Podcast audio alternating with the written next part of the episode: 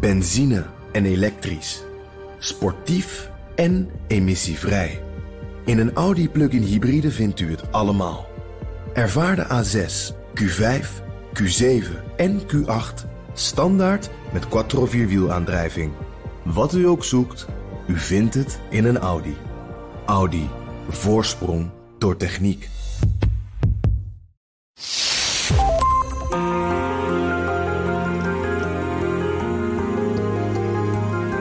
Je luistert naar De Stratege, een podcast van BNR in samenwerking met het Den Haag Centrum voor Strategische Studies. Mijn naam is Paul van Liemt.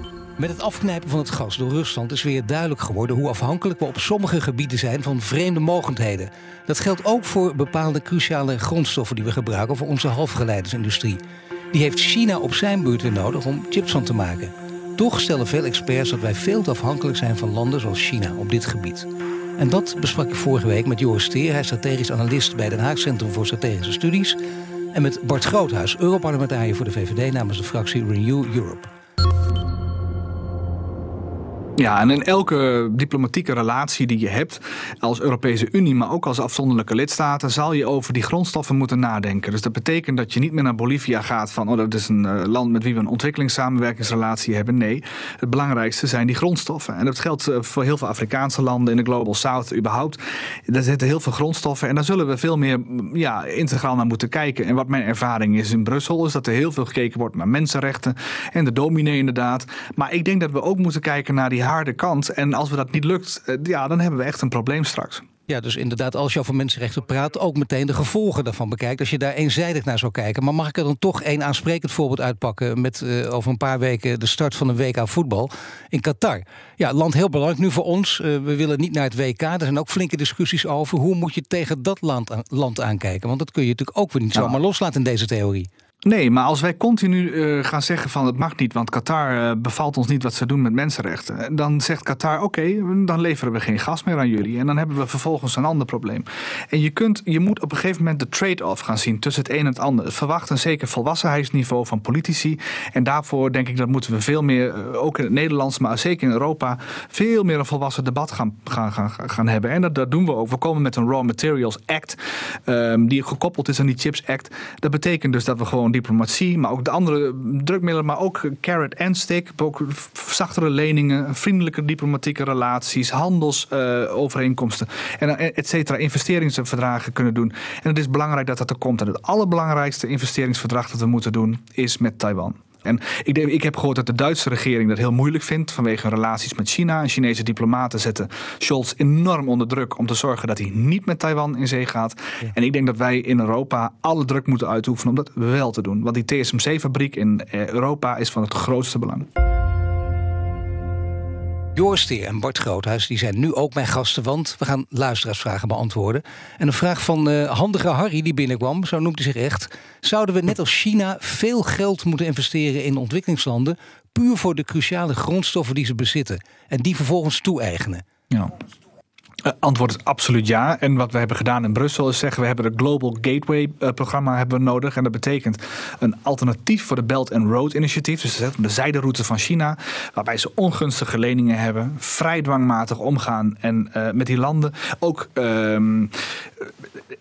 ongunstig vaak voor die landen is. En wat Europa nu wil is zachtere leningen bieden, vriendelijke voorwaarden en ook een duurzame lange relatie die niet enkel ziet op die grondstoffen, maar ook op de ontwikkeling van het land in brede zin. En dat proberen we nu uit te rollen over de hele wereld. Als je dat doet, dan beantwoord je China eigenlijk met, uh, ja, met gelijke munt, maar je gaat nog een stapje verder, waardoor je nog aantrekkelijker maakt, ook of niet? Als je het zo doet. Ja, daar gaat het dus om. Dus wat, wat we gedaan hebben is in alle potjes omgekeerd, alle onderuitgeputte uh, begrotingsartikelen bekeken en die hebben we op één hoop gegooid. En we hebben echt miljarden bij elkaar geveegd hier in Brussel om te zeggen we moeten dat initiatief van China, die mikken op zo'n nou, 60% van de wereldbevolking, moeten we counteren. Uh, en dat doen we uh, door gunstigere alternatieven te bieden dan de Chinezen. En om daar ook op een nette manier onze, onze belangen te behartigen. En kan dat nog of zijn we daar nu, nou, laten we eerlijk zeggen, veel te laat mee? Dus we kunnen natuurlijk altijd iets inhalen, maar is het niet veel te laat? Paul, dat we te laat zijn, dat is uh, denk ik waarheid als een koe. Maar in China heb je een goed spreekwoord van de beste dag om een boom te planten is 30 jaar geleden. Maar de één na beste dag is vandaag. dus je zal gewoon moeten beginnen. Ja, nou die zal ik even onthouden voor eh, andere discussies. Die komt altijd te pas. Ja, dank je wel die voor. Als ze geen palladium meer uit Rusland kunnen krijgen, wat kunnen we daarvoor in de plaats, uh, in, in, plaats daarvan ergens anders dan halen? Want je kunt ook naar alternatieven gaan zoeken. Of is dat onmogelijk, uh, Joris?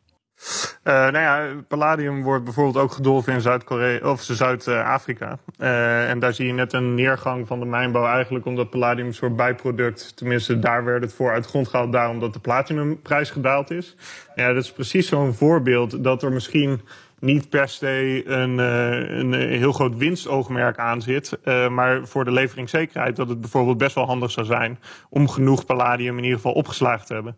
En het interessante aan die chipindustrie is dat in tegenstelling tot de groene transitie het om wat kleinere hoeveelheden gaat. En dat oplossingen zoals stockpiling, dus voorraden aanleggen, dat soort dingen, daarom ook waarschijnlijk meer uitkomsten bieden.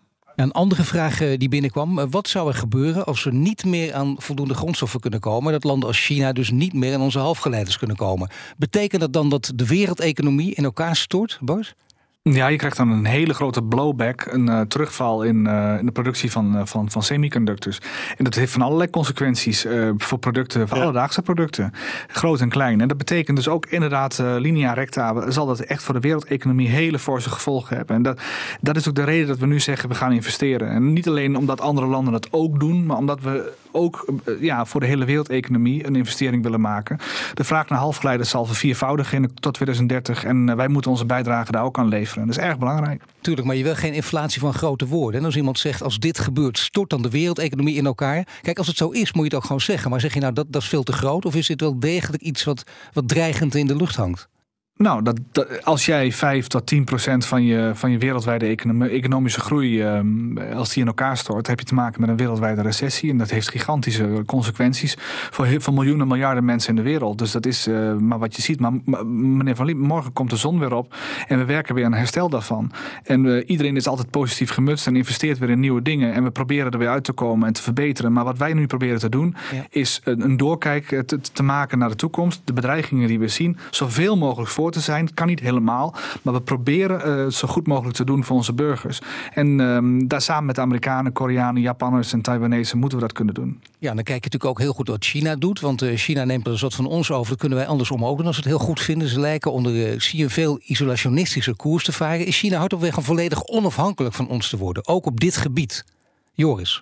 Is nadrukkelijk. Oh, sorry. Mm. Ja. Bart mag ook. Nadrukkelijk het doel. Ik, ik, ik denk, uh, ik wilde eerlijk zeggen, absoluut niet. Misschien onderschat ik het, maar met de beperkingen die de Amerikanen twee weekenden geleden hebben opgelegd, ja, zie ik de kansen van China om ten eerste die halfgeleider uh, keten helemaal intern op te zetten als nog, nog, nog veel moeilijker dan dat zal waren. En het interessante aan die halfgeleiders en die chips is, het is de ontsluitende technologie voor eigenlijk al het andere wat ze willen. Dus de supercomputers, uh, de kunstmatige intelligentie, et cetera. Dus dat wapen van die Amerikanen is heel lomp, omdat het eigenlijk, en dat zeggen ze ook nou ja, met ongeveer zoveel woorden ook wel, bedoeld is om die Chinese industrie te kort wieken. Om vervolgens ook uh, te zorgen dat ze nou, militair niet te snel vooruit gaan. Omdat de Amerikanen ook gezien hebben dat die chipmaatregelen tegenover Rusland gewoon in algemene zin zetten na Oekraïne. Jullie krijgen de chips niet meer. Sullivan heeft daarover gezegd. Als gevolg daarvan moeten Russen uh, nu de chips die ze gebruiken voor vaatwassers gebruiken in de wapensystemen. Ja, dat wapen is zo alomvattend en zo groot dat ik er echt een heel hard hoofd in heb dat China op dezelfde manier zo'n soort industrie uh, binnenlands gaat opzetten. Ja, zeg jij dat net zo hard, met, ja. met, met dit soort, net soort uh, stevige bewoording als Joris gebruikt, dat China dus absoluut niet hard op weg is om volledig onafhankelijk van ons te worden, Bart? Nou, ik ben het alles met, met alles wat Joris zegt eens, maar het is wel zo dat het doel van China wel degelijk autarkisch. De, de autarkie is. Xi Jinping bevestigd op zijn partijcongres. Hij heeft nu zo'n 2, misschien 300 miljard wel geïnvesteerd in de afgelopen decennia in die halfgeleiderindustrie. En het is hem niet gelukt. Hij ligt twee generaties achter. Het doel was wel degelijk intellectueel eigendom, diefstal bij ASML en anderen, om het zelf te kunnen maken. Dat het ze niet lukt, is een tweede. Daar heeft Joris volledig gelijk in. Maar als je samenwerkt met Chinese bedrijven, dan is hun doel om datgene wat jij maakt zelf te maken. Daarom zal ik ook in de Chips Act zo amenderen dat als we samenwerken met landen met een offensief spionageprogramma, dat, dat, dat, dit, dit soort technologieoverdracht niet kan.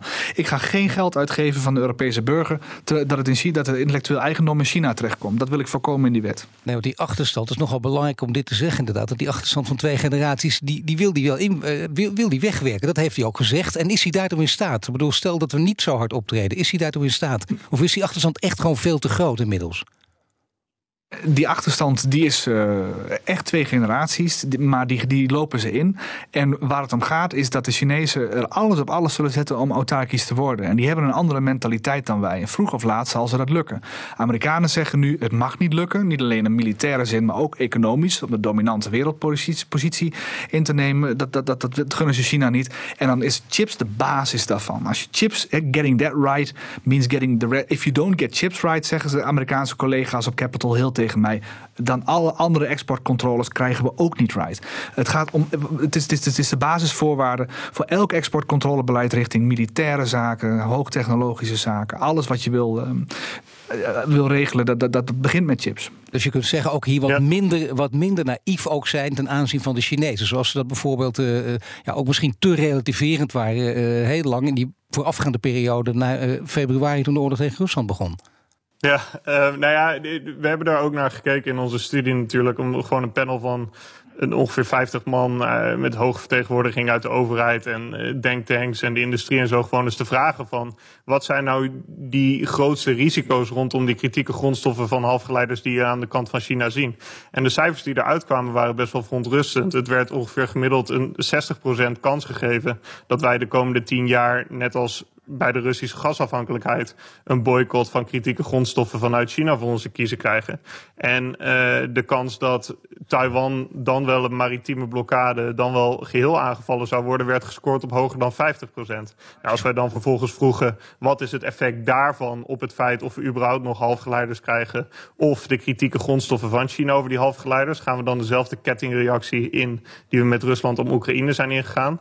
Uh, daar zijn dus ook de effecten daarvan gaan groot zijn. Dus kortom, China schaakt heel duidelijk op twee borden. Ze zitten vol op die investeringen in die, in die semiconductors. En ze boeken daar eigenlijk resultaten die groter zijn dan de resultaten die Europa tot nu toe boekt op het gebied van kritieke grondstoffen. En tegelijkertijd hebben ze die nou ja, tot nu toe onvervangbare positie op kritieke grondstoffen. En waar ik me het meeste zorgen om maak, zijn eigenlijk de tijdlijnen. Het Internationaal Energieagentschap uh, berekent en kondigt aan dat exploratie tot en met volle exploitatie van een nieuwe mijn voor die kritieke grondstoffen. Dat duurt gewoon ongeveer 7 tot 20 jaar. Nou, dan kan ik je vertellen, overal waar ze hoge milieustandaarden hebben, ga je meer richting de 20 dan richting die 7. Nou, leg daar die tijdlijn naast waar wij met die expert-enquête uitkwamen over dan wel een uh, kritieke grondstoffen embargo van China de komende tien jaar, dan wel een aanval op Taiwan. Nou ja, dan moet die mitigatie poging op die kritieke grondstoffen vanuit Europese zijde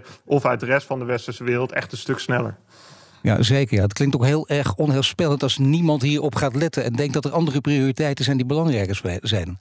Ja, dit, dit echt chefzaggen. Dit is echt ook, uh, von der Leyen ja. kondigt het zelf aan in haar State of the Union speech. En dat is terecht. Kijk, en we zijn van China ook afhankelijk, zoals zij afhankelijk zijn van ons. En we horen ook gewoon met hun te handelen en te dealen. En net als ASML denk ik ook gewoon de, de ene oudste generatie uh, chipmachines gewoon naar China moet kunnen blijven exporteren. In weerwil van wat de Amerikanen willen. Dat vind ik. En de reden is ook, als jij daar gewoon slim mee omgaat, dan kun je ook je eigen intellectueel eigendom hier houden. Wel, um, zeg maar benefiten, hè, profiteren van, van de handel over en weer. Maar je moet er wel op een eh, verstandige, professionele manier mee omgaan. En afhankelijkheden worden geweaponized, die worden als wapen gebruikt. Maar je kunt zelf ook die afhankelijkheid gebruiken om jezelf beter te positioneren. En dat spel moeten we alleen beter leren spelen. Ik pleit dus niet voor een volledige decoupling van China. En ik denk ook wel dat ASML, um, als je zegt ASML doet niks meer in China, dan verliezen ze ook 15 tot 20 procent van hun omzet. En dat zal ook heel veel betekenen voor de investeringen in RD in Europa. Is ook niet verstandig. Dus we moeten zeker meer zelfstandig, autonomere koers varen als Europa. En dan de laatste vraag, die gaat over... Ja, Joris, jij wil nog iets toevoegen? Nou, het, het, is ook wel interessant. Hè. Vlak voor de Russische invasie van Oekraïne, toen eh, hebben we voor het eerst gezien dus eh, dat, dat voor die invasie dat er al een statement kwam uh, uit de Europese Raad. En daarin werd gezegd: there will be massive consequences als jullie zoiets doen. Ja, en als je dan terugdenkt aan die afhankelijkheden waar Bart het over heeft, namelijk die de andere partij juist van ons heeft, uh, waaronder China in dit geval, dan kan je er ook over nadenken dat zo'n kritieke grondstoffenembargo of zo'n aanval op Taiwan, dat je er ook druk op China kan zetten om dat niet te doen ten tijde van hoge spanning.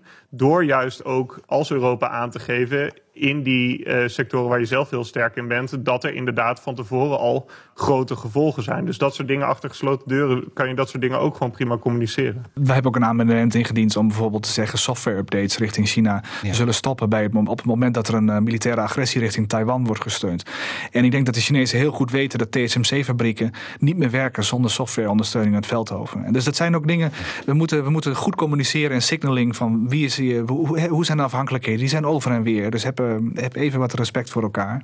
En de laatste vraag van een van onze luisteraars die gaat over Europa. Europa wil een chip act in het leven roepen dus. Maar welke rol heeft Nederland daarin, Bart? Nou, Nederland is heel, heel goed in equipment en materials. Dat betekent het maken van uh, de machines zoals ASML dat uh, doet. Dat is, uh, er is geen enkel ander bedrijf in de wereld die dat kan. Ik denk, ook al stel je alle alle tekeningen en al het intellectueel eigendom van ASML en je wil het nabouwen in China, dan lukt het hen niet. Het gaat ook over een aantal briljante geesten die samen kleine stukjes van de puzzel in hun hoofd hebben en die dat samen tot een goed resultaat maken. En dat is uniek. Maar we hebben meer. We hebben ook ASM, ehm, die met de depositie van materialen bijvoorbeeld op chips uh, echt wereldklasse zijn. En het zijn grote bedrijven. Ik denk dat we daar, um, is het hele ecosysteem wat er omheen zit, is gigantisch en het kan gigantisch groeien in Nederland. En Nederland kan daar in een hele grote wereldwijde koploper worden. Kunnen we geld mee verdienen. Kunnen we Europa relevant maken. Maar ook Nederland relevant in Europa. Europa relevant in de wereld. En we moeten heel erg trots zijn dat we zo'n mooi bedrijf in Nederland hebben. Hartelijk dank Bart Groothuis, Europarlementariër voor de VVD namens de fractie Renew Europe. En Joris Steer, strategisch analist bij Den Haag Centrum voor Strategische Studies. Volgende week zijn we er weer met een reguliere aflevering van De Strateeg. Wil je intussen meer afleveringen van De Strateeg terugluisteren? Je vindt hem op Apple Podcasts en Spotify, maar ook in de BNR-app of op bnr.nl. Abonneer je meteen en tot de volgende keer.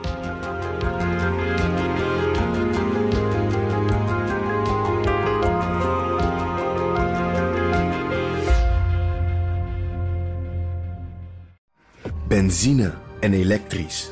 Sportief en emissievrij. In een Audi plug-in hybride vindt u het allemaal. Ervaar de A6, Q5, Q7 en Q8 standaard met quattro vierwielaandrijving. Wat u ook zoekt, u vindt het in een Audi. Audi. Voorsprong door techniek.